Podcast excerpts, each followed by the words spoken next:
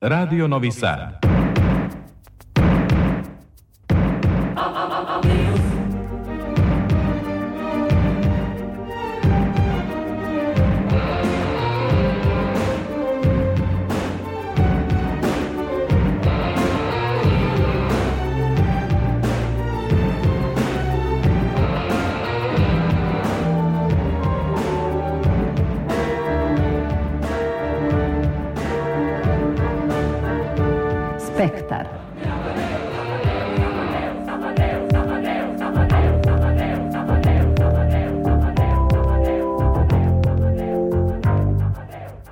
Spektar.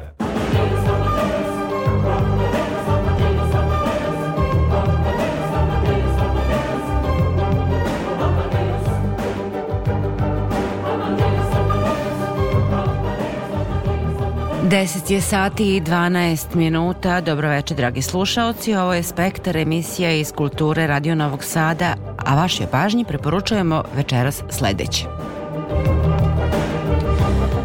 Tri premijere, dve pozorišne i jednu filmsku. U Srpskom narodnom pozorištu večeras je premijera komada Mišija Groznica Ace Popovića u režiji Đorđa Nešovića. U Subotičkom teatru postavljen Ušićev narodni poslanik u režiji Snežane Trišić. Beležimo i novosadsku premijeru filma Živi i zdravi crnogorskog reditelja Ivana Marinovića. Nudimo potom na slušanje priču iz Kikinde o centru i galeriji Tera. Centar vrata svoje radionice otvara studentima osnovnih studija i akademicima iz regiona a potom novu biografiju Gordane Stojaković o Milevi Simić, novosadskoj književnici i autorki prvog učbenika koju je napisala žena, autorki zbirke ženskih narodnih pesama koje je prikupljala tri decenije. Ja sam Aleksandra Rajić, spektar na prvom programu radija, slušate narednih sat i po.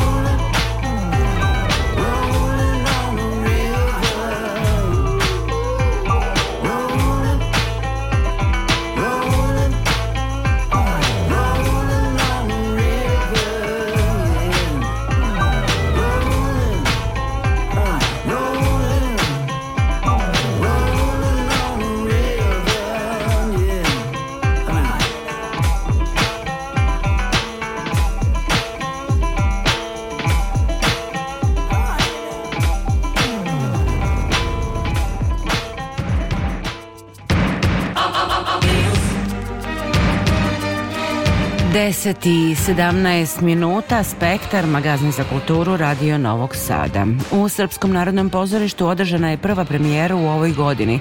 Predstava Mišija Groznica u režiji mladog Đorđa Neševića, a po tekstu Aleksandra Popovića odigrana je na kamernoj sceni.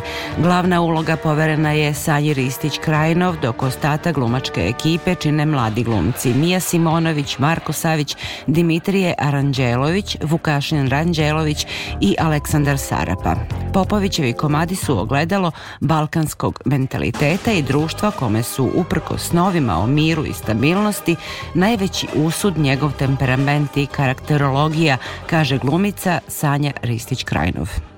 Hoću reći da je šteta da nemamo ovo, ovog pisca na repertoaru. Ja sam igrala samo jednom do sada, Ljubinka i Desanko sam igrala i to u Zrenjaninskom pozorištu, tako da imam, eto da kažem, do sada jedno iskustvo sa, sa ovim piscem, nažalost.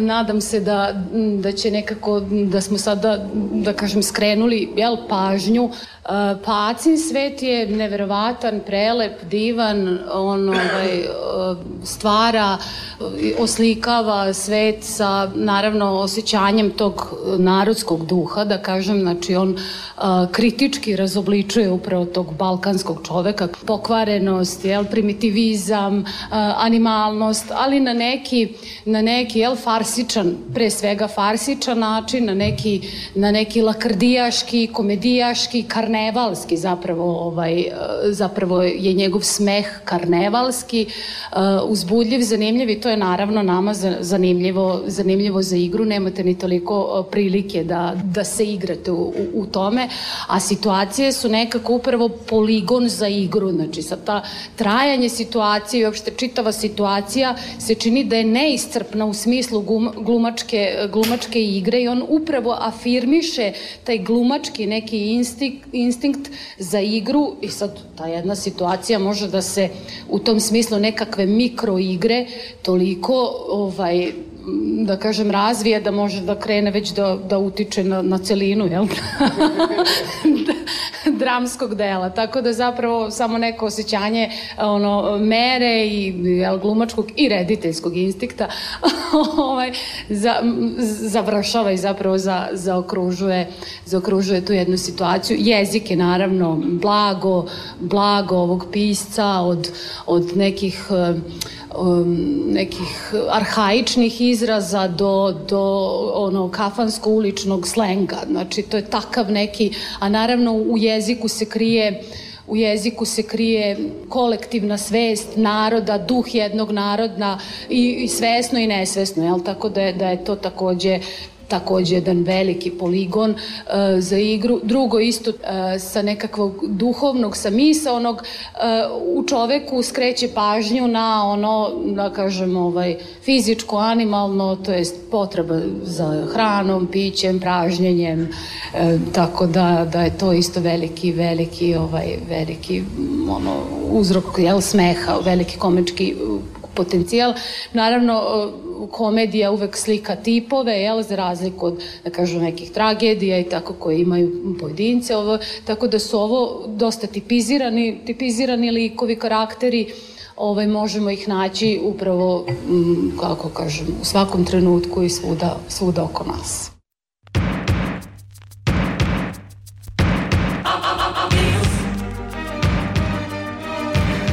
Mišija Groznica je prva premijera u Srpskom narodnom pozorištu u ovoj godini. U prošloj je pozorište realizovalo sedam premijera, pet dramskih, jednu baletsku i jednu opersku. O ovogodišnjim planovima sa upravnikom teatra Zoranom Đerićem razgovarala je Isidora Bobić. Sa kakvim ćete se sve izazovima susretati kao uh, upravnik Srpskog narodnog pozorišta u ovoj godini? Šta nas sve očekuje na repertoaru? Čini se da su planovi jasno zacrtani, ali da ima i nekih promena? Pa ima zato što ovaj, mi paralelno radimo nekoliko stvari. Između ostalog e, i dramski program vrlo ambiciozno zamišljen. Do kraja godine se planira čak 10 premijera. Prva će biti već 9. februara. Miša Groznica, Aleksandra Popovića, koja je vrlo redko i stavljena negde na neki repertoar, tako da će biti zaista zanimljivo je videti. E, posle toga krećemo sa pripremom jednog ozbiljnog velikog baletskog projekta. Reč je o novom baletu, znači po Šekspiru, Otelu, to treba da bude u maju. Opera priprema jedan vrlo zanimljiv projekat a, koji se zove nešto kao letnja scena ili opera na otvorenom. E, u krajem juna planiramo da napravimo festival koji će biti e, u nekom prostoru ili na tvrđavi ili negde još nismo tačno odredili, zavisno od tehničkih mogućnosti, gde ćemo izvesti najvažnije opere sa našeg repertoara, ali isto tako i neke dramske predstave i verovatno i koncerte. Jer obično posle sterinog pozorja publika se malo i zamori i kad dođe lepše vreme, onda ima želju da izađe napolje i onda smo e, planirali da napravimo neki festival koji će ove godine biti festival naših programa, a možda od neke sledeće godine da bude i međunarodni ili da uključimo i neka druga pozorišta u taj program. E, tako da opera će imati još jednu premijeru na otvorenom, verovatno tek u septembru, a to će biti e, jedna premijera koja je vezana za Piazzolu i za njegovu jedinu operu Tango opera. Ona se planira da bude isto na otvorenom, a ovaj a imat ćemo u septembru i veliku pre, premijeru Demona koja nije nikada ni rađena u Srbiji, tako da će dobiti zaista i praizvođenje i nešto što će biti veliki događaj. Mi smo već nabavili scenografiju i spremamo se da to realizujemo. Drama će naravno imati skoro svakog meseca neku premijeru i ja verujem da ćemo uspeti ovaj, sve što smo planirali da realizujemo. Što se tiče tehničkih radova, odnosno radova na scenama koji su započinjani, dovršavani, kako tu stoje stvari? Pa mi e, dosta poslova smo preduzeli kada je u pitanju obnova tih nekih naših tehničkih e, potencijala. E, već nekoliko godina radi se na zameni tih komora za klimu i hlađanje i grejanje. Ove godine smo ušli u četvrtu fazu i bit će zamenjene e, već, ja mislim, do kraja sezone četiri komore ogromne, tako da će biti kvalitetniji vazduh u salama, ali i u drugim prostorima i ovaj prelazimo na neke nove sisteme toplotne pumpe i tu imamo malo problema dok se sve to ne usaglasi, dok se ovaj jednostavno ne izjednači kako bi se podjednako grejalo, odnosno kasnije hladilo jer to su ogromni sistemi, e, mi smo imali tu jedan zastarili sistem iz 81. godine koji je prevaziđen i koji e, sad polako zamenjujemo i nadamo se da ćemo ove godine 80%, a do godine još taj ostatak potpuno znači, zameniti. Da ćemo imati jedan modern sistem i grejanja i hlađenja, tako da ovaj, to su radovi koji su u stalnom toku. E, mi smo prošle godine uspeli da znači zamenimo rotaciju, e, zatim smo uradili e, taj gornju tehniku na sceni Pera Dobrinović. Ove godine računamo da ćemo i donju tehniku, znači uspeti da zamenimo, tako da će obe scene biti modernizovane i osposobljene za ovaj izazove i tehničke i ove što nude reditelji, odnosno koreografi i stvaraoci novih projekata. Da li se možda očekuje neka saradnja sa drugim pozorištima mimo festivala? Pa imamo saradnju koja je bila još od ranije započeta sa Beogradskim dramskim pozorištem i nadam se da ćemo taj festival realizovati ove godine, znači da Beogradsko dramsko bude kod nas, a mi kod njih. Prošle godine smo imali sjajnu saradnju i sa drugim pozorištima iz Beograda, sa Narodnim pozorištem imamo protokol potpisan, imamo i sa Jugoslovenskim dramskim. E, ja verujem da ćemo, ako ne bude nekih okolnosti loših, da ćemo napraviti još nekoliko koprodukcija, jer ovaj, ne samo sa pozorištima, nego i sa nekim organizacijama, kako bismo obogatili naš repertoar.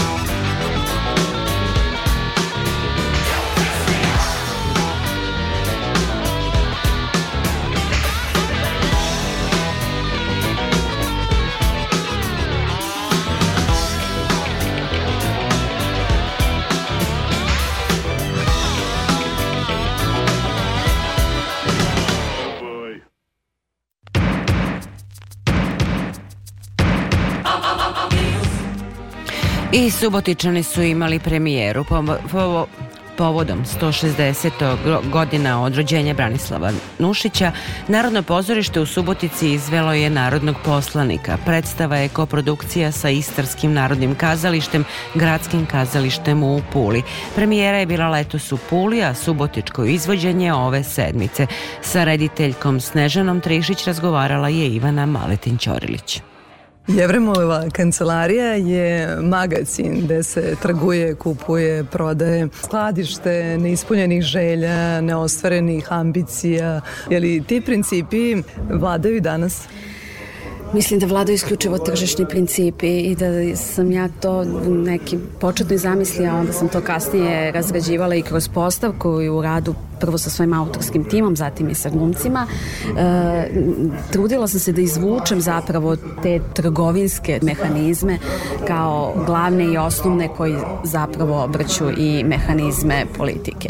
Šta se krije u tim kutijama sa nalepnicom rasprodaja, pa osetljivo, videli, lomljivo? Lomljivo, osetljivo, tu ima svega. To je zapravo uh, magazin mešovite robe. Kako saznajemo kroz koma, tu postoji neka švercovana roba i zaplenjen duvan i špiritus. Vidimo da promiču neke razne stvari. Tako da ja nisam želela da preciziram šta je uh, u tim kutijama, uh, nekako već da ostavim da, da to ostane kao, kao jedna mala tajna, dakle šta je sve u tim kutijama. Na kraju i ljudi su roba koje u tim kutijama i um, poslanička mesta su roba i glasačke kutije su roba i glasački listići su roba i svi smo mi na neki način na kraju roba. To je bila neka uh, moja misao koja se nekako kroz komad polako razvija i na kraju u tom poslednjem songu kada oni i ostanu samo te neke lutke uobličila kao kompletna e, zamisao. Deo scenografije i taj ram za sliku -hmm. gde se lica menjaju, ali je glava ista. Tako je. Pa mi smo nekako želi da uhvatimo tu neku suštinu tog užasa koji zapravo kogod da dođe u taj ram od slike nekako to preovlada.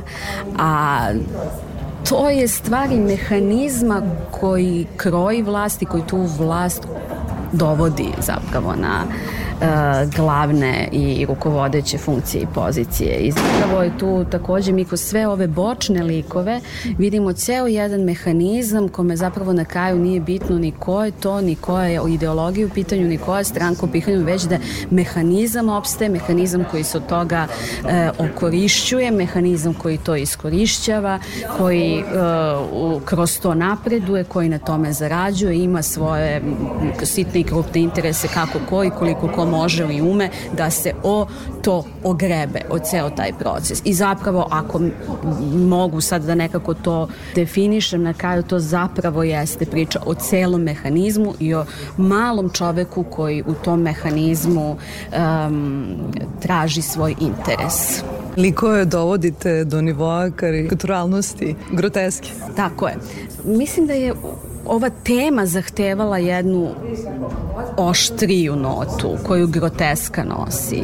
Dakle, jednu oštriju notu koja e, je i karikaturalna, ona dakle ismeva te pojave, ismeva te običaje, ismeva mentalitet, ismeva osobine, e, mehanizme i tako dalje, ali se tu vidi ta jedna oštra, bolna nijansa, oštrica koja zapravo nekako govori o jednoj nemogućnosti da se iz tog vrtloga izađe godinama unazad, decenijama unazad, možda čak i vekovima unazad i zapravo uglavnom dobijam to pitanje kako je moguće da je ovoliko aktualno, kako je moguće da je ovo Nušić tada napisao. E, to je vrlo zanimljivo, moguće je. I kada smo u Puli imali premijeru, onda smo od njih dobili pitanje pa kao vi ste ovo adaptirali u odnosu na našu vlast i našu trenutnu političku situaciju. Ja sam rekla ne, kao kako ste znali, ako Nušić je znao. Nije pa kao, ali to nije o vama, to nama. Ja sam rekla ne, ne, to je i o vama i o nama. I onda i sada. Tako da je to zapravo ta jedna skoro arhetipska struktura koju Nušić vrlo vešto uhvatio i preneo, koja se evo, nažalost, prenosi i do dana današnjeg. Narodni poslanik je drugi Nušićev komad koji postavljate na sceni Narodnog pozorišta u Subotici. Je li ovo i vaš povratak kući? Je li vam ansambl kao već deo porodice? Apsolutno, da. Ovo je sjajan ansambl, sjajna ekipa i, i zapravo ansambl u kome sam ja napravila neke svoje e, početne, ali i veoma značajne rediteljske korake i tu sam se zaista razvila kao reditelj. Tri dakle, godine ste Tri godine sam ovde, dakle to su bile tri velike ansambl predstave Čudo u Poskokovoj dragi, Mr. Dolar i Iza kulisa. Ono što je zanimljivo je da sam zapravo ovde prvi put režirala, dobila veliku scenu, obično kao mlad reditelj radite na malim scenama, male komade s malim brojem likova. E ovde je bilo onako prvi put, velika scena, ne znam, 15 glumaca, uh, roman, što je isto vrlo neobično dobiti roman poput Čudo Poskakova i Dragi koji je sa puno događaja likova, dakle on ima jednu potpuno strukturu koja je mnogo bliža filmu nego pozorištu, ali to su sve i rizici, ali i šanse za reditelje na takvim zadacima, odnosno takvim izazovima se reditelji razvijaju. Srećom, ja sam imala ovaj ansambl i sa njima sam to mogla, sam imala punu podršku, razumevanje, nekako mi smo odmah kliknuli svi zajedno i onda je to nastavilo da se razvije kroz druge naše projekte, onda usledila neka pauza, prosto igom slučaja sam otišla na FDU, tamo sam počela da, da radim i da se bavim pedagogijom. Oni su imali svi neki svoj put i evo, konačno smo se ukrstili, dobili smo neku novu zrelost i glumačku i, i ljudsku, jel tako, i rediteljsku ali smo se ponovo našli i zapravo m, sigurno da mi je bilo lakše da ovo sve uradim sa njima. Dakle, da imam neku sjajnu i komunikaciju i podršku. E, ekipa iz e, Hrvatske se, dakle, oni su se isto sjajno uklopili. Hvala najlepše.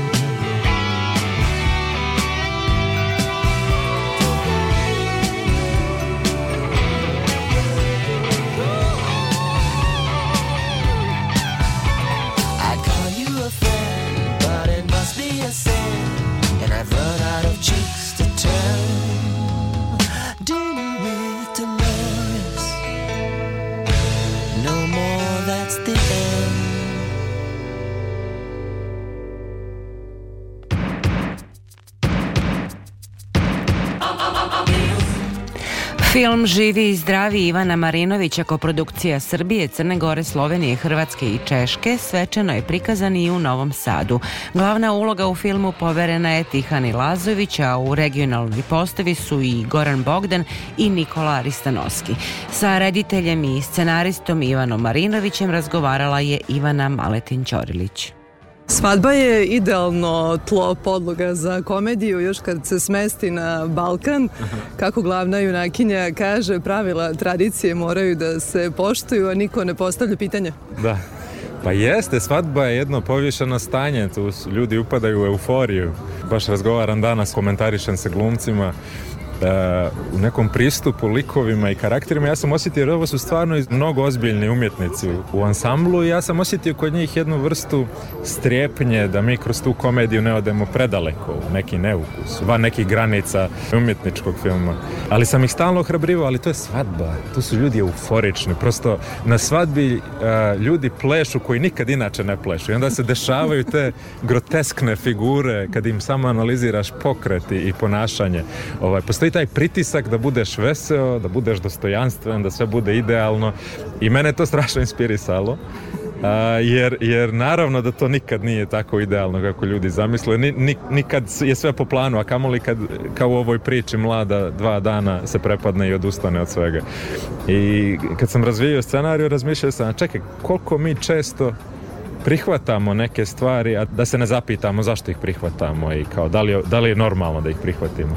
Tako da koliko često učestvujemo u besmislu, to, to mi je nekako bila bila misao kad sam počeo da se bavim ovom pričom, ali isto tako nisam pristupao tome sad nekako radikalno destruktivno. Ja mislim da je svadba kao ritual važna u nekom smislu inicijacije, psihološke, prosto promjene jedne, iz jedne u drugu životnu fazu. Ne, neophodna je, ali opet u našoj tradiciji običajima ima toliko toksičnih elemenata i, i važno je da se prispitaju, važno je da, da se porazgovara o njima. E sad, često je taj razgovor usmjeren na na neku vrstu oštre kritike i to onda pravi otpor kod ljudi. Tradicionalisti i konzervativci, oni, oni samo odbijaju tu vrstu dijaloga, samo se brane. A ja mislim da je komedija jedan strašno zanimljiv alat da ti ljudima, da ih opustiš kroz taj smijeh, a da ih onda zapitaš, ali čekaj, da li je, da li je u redu da se ovo ženi izgovara?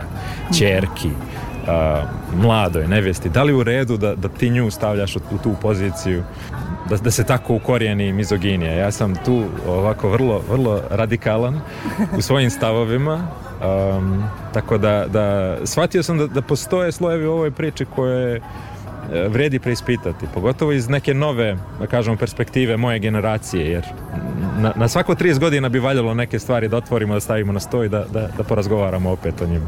Čini se da ste stavili taj folklor po strani, da ste se bavili više analizom i međuljudskih odnosa i tih društvenih obrazaca. Koliko još na ovim prostorima robujemo stereotipima i koliko smo e, taoci tog nekog konzervativnog razmišljanja i nametnutog modela ponašanja? Taoci smo onoliko koliko uh, pristajemo sami. Uh, u mojoj priči protagonisti koji strašno pate i stradaju kroz tu svadbu i kroz tu farsu koja im se dešava, to su dakle mlade i mladoženje. Njihova pasivna uloga u svemu tome je omogućila da ih i tradicija i ta svadba i običaj da ih nose kroz taj film. Znači oni, oni svojom neaktivnošću i svojim strahom od donošenja odluka se prepuste drugima. I mislim da je to problem čitave generacije, zaista. Mi, mi nekako iz svoje inertnosti dozvolimo da nas život vozi lijevo desno bez da stanemo i kažemo če ja ovo ne, ne prihvatam. Ono, Vojko ve kad kaže ne može.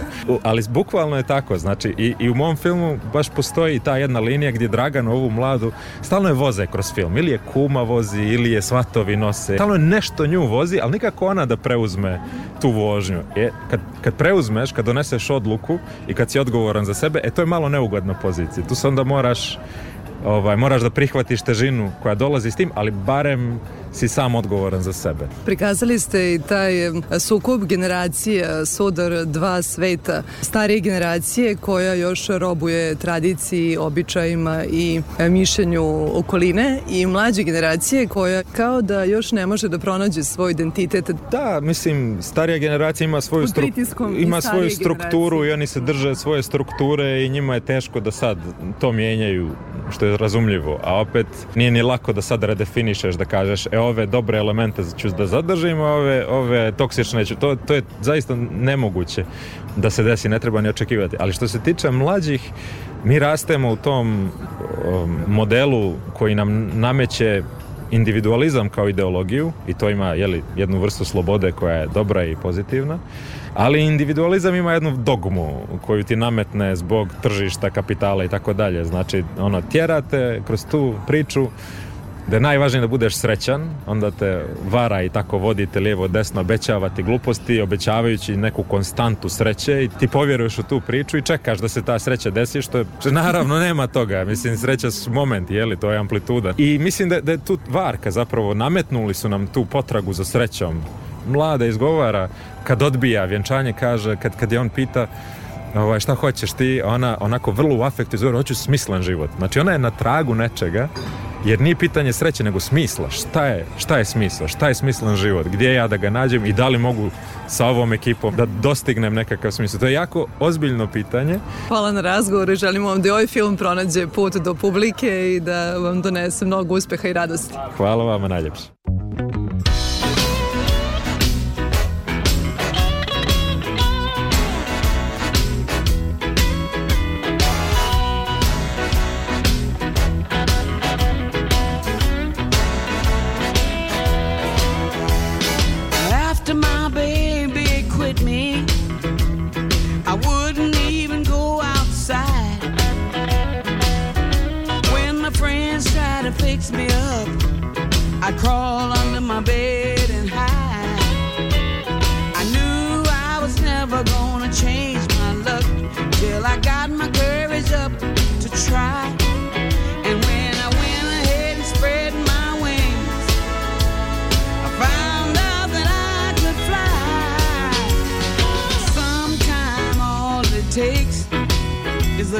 for faith. Sometimes all it takes is a leap of faith.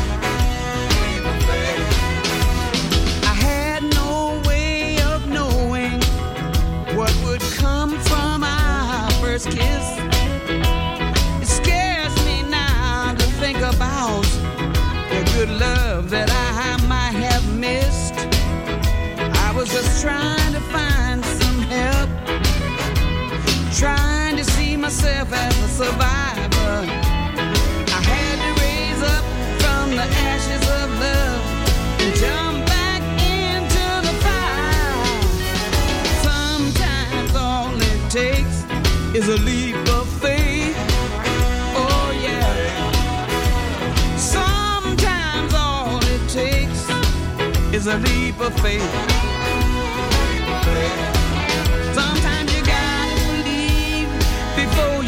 The proof. You can wait a lifetime for one moment of truth. Sometimes all it takes is a leap of faith.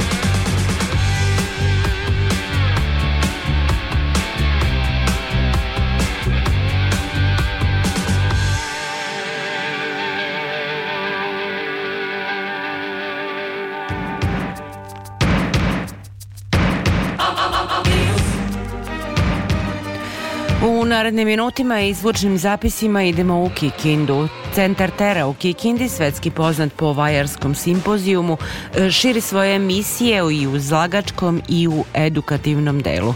Krajem prošle godine u okviru Otvorenog Balkana potpisan je sporazum o saradnji sa umetničkim akademijama u Osijeku i Tirani, o čemu je između ostalog sa direktorkom centra Aleksandrom Lipovanom razgovarala Tatjana Novčić-Matijević.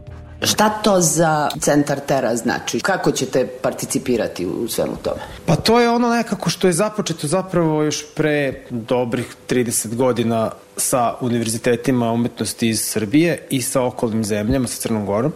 I jednostavno se to po prirodi stvari se proširilo jer nekako se naša nastavna baza i atelje zapravo nameće kao jedinstvena nastavna baza za tu svrhu, znači za učenje tehnike gradnje velike terakote i skulpture u terakoti, jer jednostavno drugi univerziteti ne samo iz regiona, nego verujem iz celog sveta nemaju takve uslove, takav atelje i zapravo je onda to izazov i na neki način i privilegija i ostalim fakultetima i obrazijsko institucijama da učestvuju u takvom programu.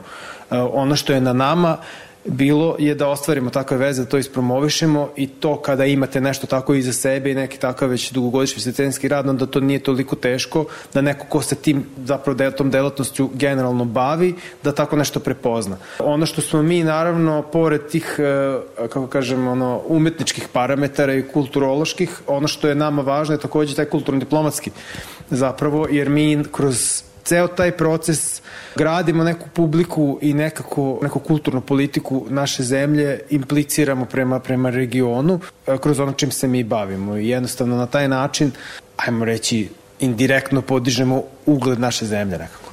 A svakako podižete ugled ove institucije.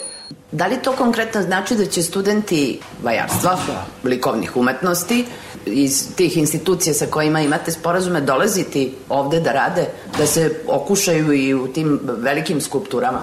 Tačno, tačno, to, to i jeste zapravo cilj programa i to, tim se programi bave i studenti u okviru svoje studentske prakse, u okviru svojih kurikuluma zapravo oni dolaze ovde na stručni rad u vajanju terakoti.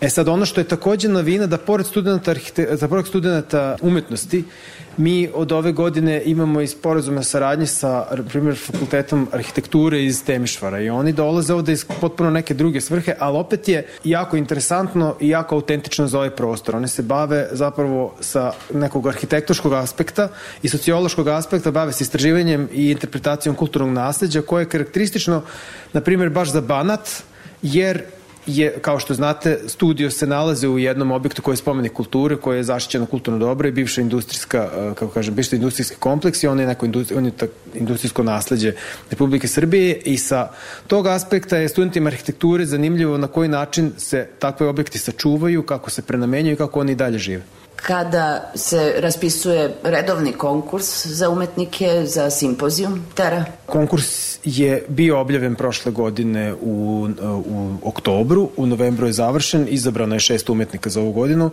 Imali smo petočlani umetnički savet, internacionalni umetnički savet sastavljen od, od vajara, od profesora, od kustosa. Tako da ove godine imamo tri umetnika iz Srbije i tri umetnika iz inostranstva kao i svake godine. I dobro, ja dok sam čekala vas za ovaj razgovor, intenzivno ste se dogovarali, je li može da se obelodani o čemu je reč, je, je li to nekakva isto izložbena aktivnost? Mi sad trenutno radimo jedan konkurs, popunjavam konkursnu dokumentaciju za izložbeni prostor u Kulturnom centru u Parizu. To je jedan kako kažemo, ono, konkurs e, koji Ministarstvo kulture svake godine objavljuje i mi bismo želeli da se predstavimo sa jednom selekcijom iz naše kolekcije francuskih i srpskih umetnosti sa ciljem da se predstavlja ta konekcija između Francuske i Srbije u kontekstu zajedničkog kulturnog nasljeđa koji zapravo da postoji kod nas u kolekciji, jer vi znate nama dolaze strani umetnici, oni ovde ostavljaju svaki po tri dela, ta tri dela postaju kulturno dobro Republike Srbije, na neki način mi zapravo tim putem akvizicije imamo francusko delo koje postaje srpsko kulturno dobro. Kad bi trebalo eventualno da, pa, da se desi? Prvo bi trebao projekat da bude odobren, a ako bude trebalo onda, do, onda ovo je sezona 2024-2025, ali o zvaničnim terminima se praktično dogovara sa organizatorom. To vam je nekakva svrha kulturne diplomatije da vi kroz neke ove kulturne sadržaje koje postoje u vašoj državi da prezentujete svetu i pogotovo nečem što je karakteristično. Mi se zapravo bavimo savremenom umetnošću, savremenom skulpturu i nekim jedinstvenim proizvodom koji ne postoji na svetu i mislimo da može da bude vrlo zanimljiv za široku publiku u Parizu koja može to da, da pogleda.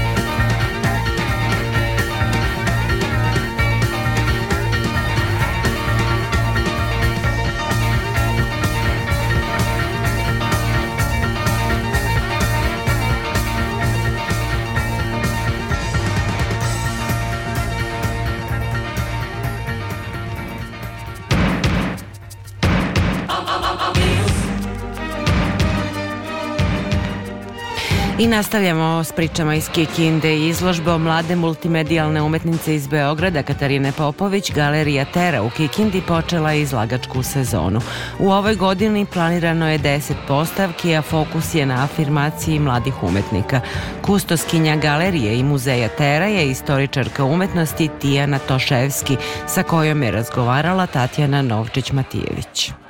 Vi ste kustoskinja koja brine o onome što jesu sadržaj zbivanja u, u ovim prostorima i galerije i muzeja, ali i samog centra. Pa da, u muzeju dočekujemo posetioce, tako da to sad je ovaj zimski period kada nije toliko a, da kažem živ prostor zato što prosto nije sezona poseta, ali svakako imamo i sada posete pretežno Ruse koji sada žive ovde u Srbiji prosto žele da upoznaju našu zemlju i tako dolaze u Kikindu i naš muzej Tera, ali svakako u toku godine već prošle godine je bilo znatno više posetilaca u odnosu na neke prethodne. Jel imate neke, beležite podatke o, o posjećenosti?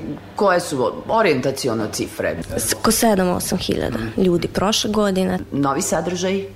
Ovo je muzejska postavka, Da, jel ona da. se inovira svojim mehanizmima? A, znači, muzejska postavka, to je stalna postavka koja se ne menja i nije se menjala zapravo do otvaranja muzeja 2017. godine. A, muzeološka praksa je negde da se menja na pet godina, do sada to nije učinjeno zato što želimo da to uradimo onako što profesionalnije moguće, da to bude jedan interdisciplinarni pristup, da ćemo uključiti i arhitekte i kustose i druge stručnjake iz srodnih oblasti koji će da tako napravimo jednu stalnu postavku koja će biti malo življe u smislu da će biti interaktivna i dostupna kažem ljudima sa posebnim potrebama i tako dalje, tako da to će biti jedan veći projekat koji nas čeka u budućnosti kada se za to da kažem steknu određeni uslovi, a što se tiče ove izlagačke godine, bit će 10 samostalnih izložbi koja će se dešavati znači, u dva izlagačka prostora koje mi imamo, dakle u salonu muzeja Tera i u galeriji Tera. I dakle to je tih 10 autorskih izložbi koje su izabrane ove godine putem konkursa i dve uh, izložbe, dakle jedna će biti izložba vezana za prošlogodišnji simpozijum, odnosno predstavljanje umetnika s prošlogodišnjeg simpozijuma Tera, jedna će biti vezana za žene vajarke koje su, dakle jedna tematska izlo- izložba koja opet se tiče naše kolekcije i jedna izložba će biti gostujuća. Taj izlagački deo krenuo je jeli, izložbom ove mlade multimedijalne beogradske umetnice.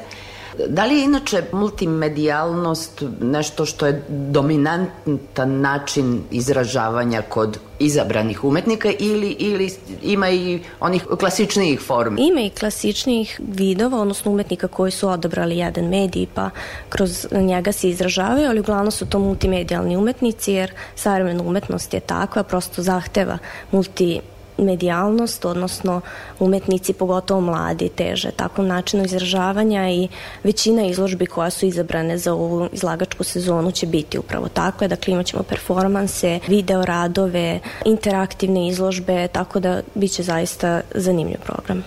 Kada kažemo mladi umetnici, o kojim njihovim godinama, odnosno starosti govorimo? To su umetnici bukvalno koji su tek završili svoje studije i koji su tek na početku svoje umetničke karijere, dakle 25 godina recimo neki prosek. I to je divno što im otvarate prostor za samostalne već izložbe, što je i za njih izazov. Treba se pripremiti za samostalnu izložbu. Hoću reći, da li oni kada apliciraju već nude ne usuđujem se da kažem gotovo rešenje, ali, ali onu čvrstu konstrukciju onoga šta će da... Da, to jesu već gotovi projekti, dakle mi zahtevamo negde da oni, da vidimo da su oni spremni za to, pošalju i fotografije svojih radova i svoju biografiju, sve što je potrebno kako bi se mi što bolje pripremili za izložbu, a i da bi prosto videli da su oni spremni za to. Tako da, uglavnom su to gotove izložbe. Da, Katarina s kojom smo otvorili ovu izlagačku sezonu, je to je njena prva samostalna izložba i naravno nama je veliko zadovoljstvo da, da pružimo priliku mladim umetnicima da se, da se predstave u našem gradu i uopšte da započnu svoju umetničku karijeru. Koliko otprilike dugo im traju izložbe u vašem prostoru? sada će izložbe trajati oko pet nedelja, znači negde mesec i po dana i to je neki prosek za svaku izložbu. Svakom smo dali, da kažem, jedan prostor da, se, da, da njihova izložba bude viđena i njihovi radovi. I šta kaže iskustvo recimo iz prošle godine? Pretpostavljam da ste i prošle godine ispratili sve, organizovali i ispratili sve to. Dobije li se, uslovno govoreći, jedan katalog onoga što jesu savremeni uvidi i savremeni odnosi prema likovnosti i, i prema multimedijali. Osjećali se to kako mlad svet poima stvarnost, ispisuje tu stvarnost. Pa da, osjeća se, ali moram da kažem da pored mladih umetnika naravno kod nas izlažu i umetnici i srednje generacije i starije generacija, tako da tu ne pravimo, da kažem, neku razliku, dakle svima je data prilika jednako, samo eto se vodimo time, odnosno umetnički savet koji bira uh, ove izložbe se vodi kvalitetom njihovih radova i uopšte koliko je zanimljiv koncept uh, izložbe i svi su oni vrlo različiti, kako mediji, e, tehnike kojima rade, ali uopšte koncept, ideja iza izložbe, tako da negde teško je sve njih uniformisati, svako je stvarno za sebe i autentičan i zanimljiv na svoj način.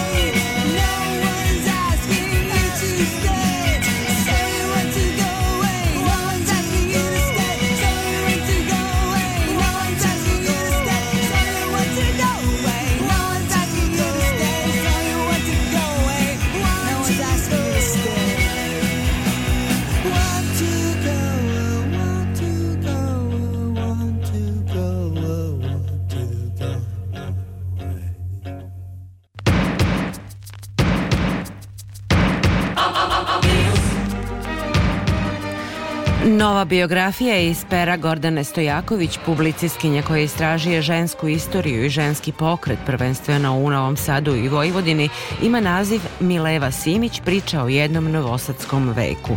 Kroz detektivskim radom u rukopisnom odjeljenju Matice Srpske prikupljene biografske podatke o Milevi, učiteljici, književnici i autorki prvog udžbenika, Gordana Stojaković piše o novosadskoj građanskoj sredini s kraja 19. i u prvoj polovini 20. 20. veka. Iz ugledne novosadske porodice, kći slikara Pavla Simića, Mileva je ceo život posvetila višoj devojačkoj školi u Novom Sadu i prikupljanju srpskih ženskih narodnih pesama. Knjigu je objavio Savez feminističkih organizacija Rekonekcija, sledi razgovor zabeležen sa Gordanom Stojaković, a više o biografiji u narednom Art Salonu Radio Novog Sada u utorak.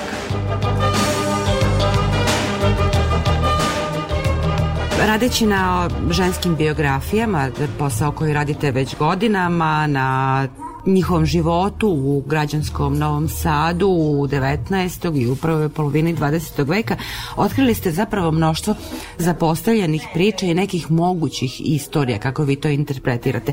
Jedna od njih je upravo i ova o Milevi Simić, koja je i bila i književnica i pedagoškinja i prevodila je. Kako ste je otkrili i zašto je rad na njenoj biografiji, kako kažete, bio detektivski? Da, Mileu Simić sam otkrila još 1999. godine kad sam radila uh, prvo izdanje znamenitih žena Novog Sada i ona je bila jedna od 60 biografije koje sam obrađivala. I tada sam shvatila da u rukopisnom odeljenju Matice Srpske potpuno neistraženo leže dokumenti koji su jako interesanti, između ostalog Tu su bile te takozvane rojtanske pesme Mileve Simić, to su bile ženske narodne pesme koje su žene smišljale, bilo i lascivnih i ona se baš posvetila tom poslu, a ja u tom momentu nisam bila fokusirana da uđem duboko u istraživanje njenog života i to sam ostavila za neku drugu priliku te prilike na kraju nisu tako brzo ni došle jer sam se bavila i nekim drugim poslovima i na kraju sam se setila da ja to nisam završila i da bi bilo dobro da se vrati Milevi Simić. Onda sam istražujući shvatila da, da su me preduhitrili, dakle već je o toj njenoj zbirci koja je bila fantastična očigledno i koja je ležala u matici srpskoj decenijama, na kraju se i tu izgubila. Prvo pisao Radivoj Stokanov, a onda je i Marija Kleut našavši duplikat te zbirke o 2000 ženskih narodnih pesama e, izdala rojtanske pesme gotovo 100 godina a, pošto je taj rukopis Mileve Simić ušao u Maticu Srpsku jer je Matica Srpska početkom 20. veka odlučila da štampa tu zbirku, ceneći da je to izuzetno delo. Međutim, e, umeđu vremenu se čitava ta zbirka izgubila, ali ne samo zbirka, nego uh, pored predgovora koji je sačuvan na svu sreću, izgubili su se i dodaci koje je Mileva Simić u vezi sa zbirkom i njenim poslom na prikupljanju pesama sačinila. Tako da je 100 godina pošto je zbirka ušla u Maticu Srpsku, ona izdata u Novom Sadu, ali ne celokupna, već fale ti delovi. Ali kad sam videla da je već urađen taj posao, onda sam krenula tragom njene privatne prepiske.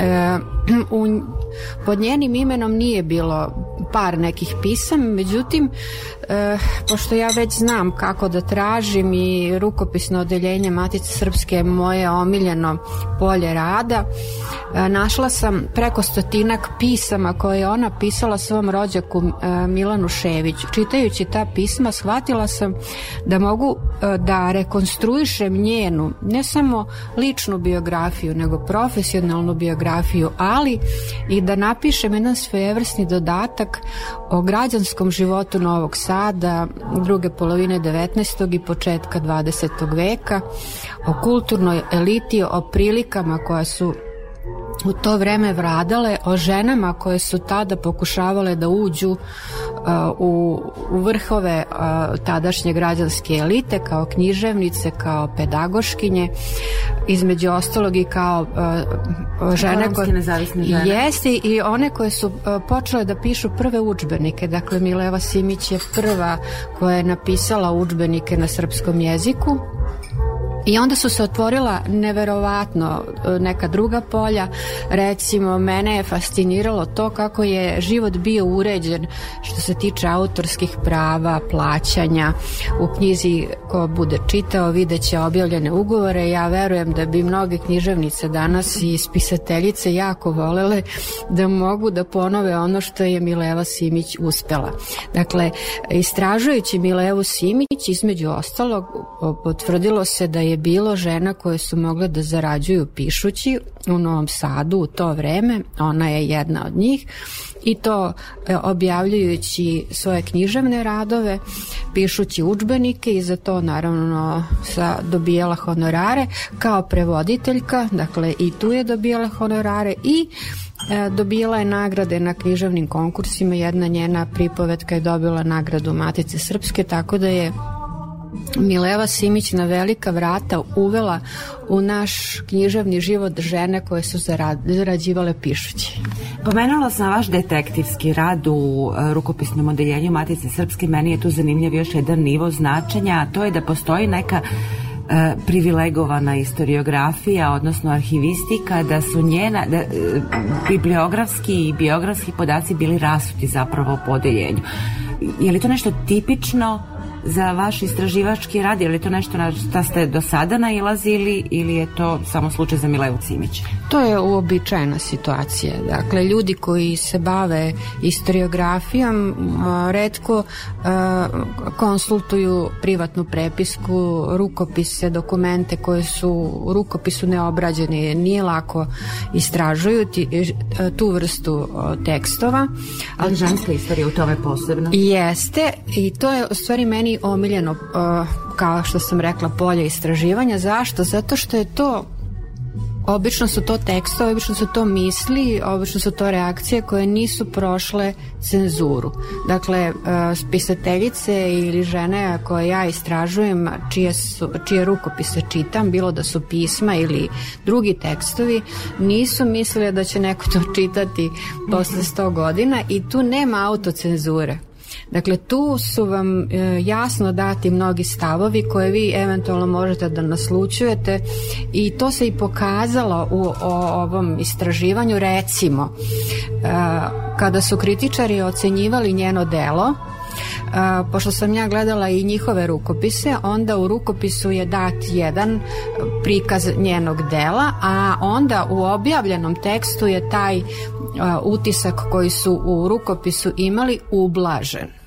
Pomenula sam da je e, jedna od glavnih karakteristika ta njena samosvest koja se vidi na svakoj stranici ove njene biografije koju ispisujete, a s druge strane to je, ja bih rekla, neka svest o kontekstu u kome živi.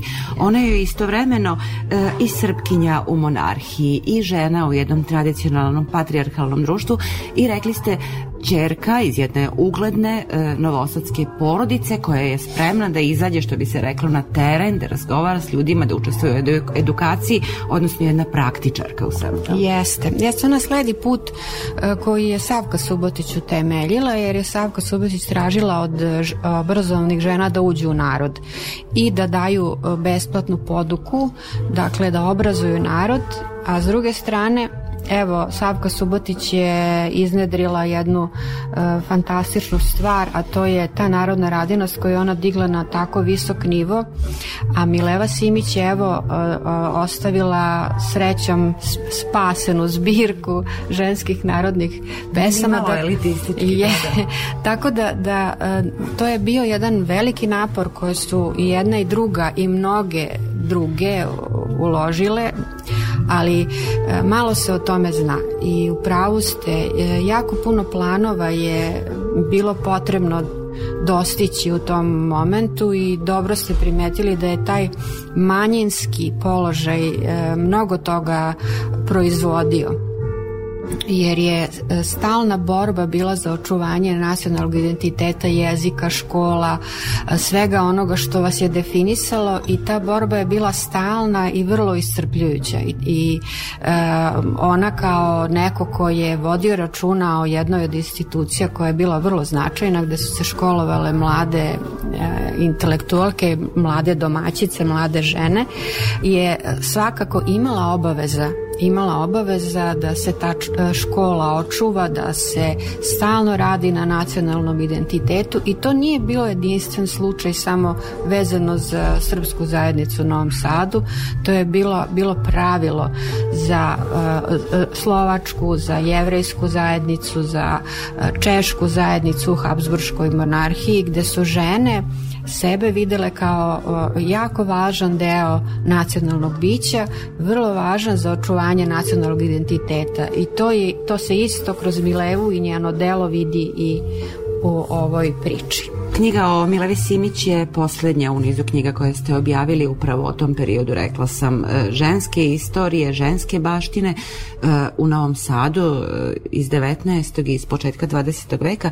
Koristite uglavnom biografski metod, ja bih rekla kao najadekvatniji pristup bazičan, ali kao da je nedostatno znanja o tim svim ženama danas. Dakle, Da, možda samo da se podsjetimo, evo ukratko, šta je to što ste do sad radili i šta je to na čemu radite?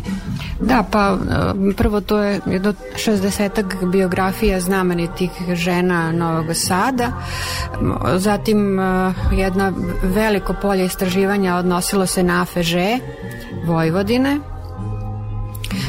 Zatim na pojedinačne neke situacije, recimo književnica Eržbet Berček i njeno delo, Savka Subotić i njeno delo i evo sada Mileva Simić. Ali moram da vam kažem da kod tog biografskog metoda koji se vidi u ovoj knjizi, on je malo izmenjen.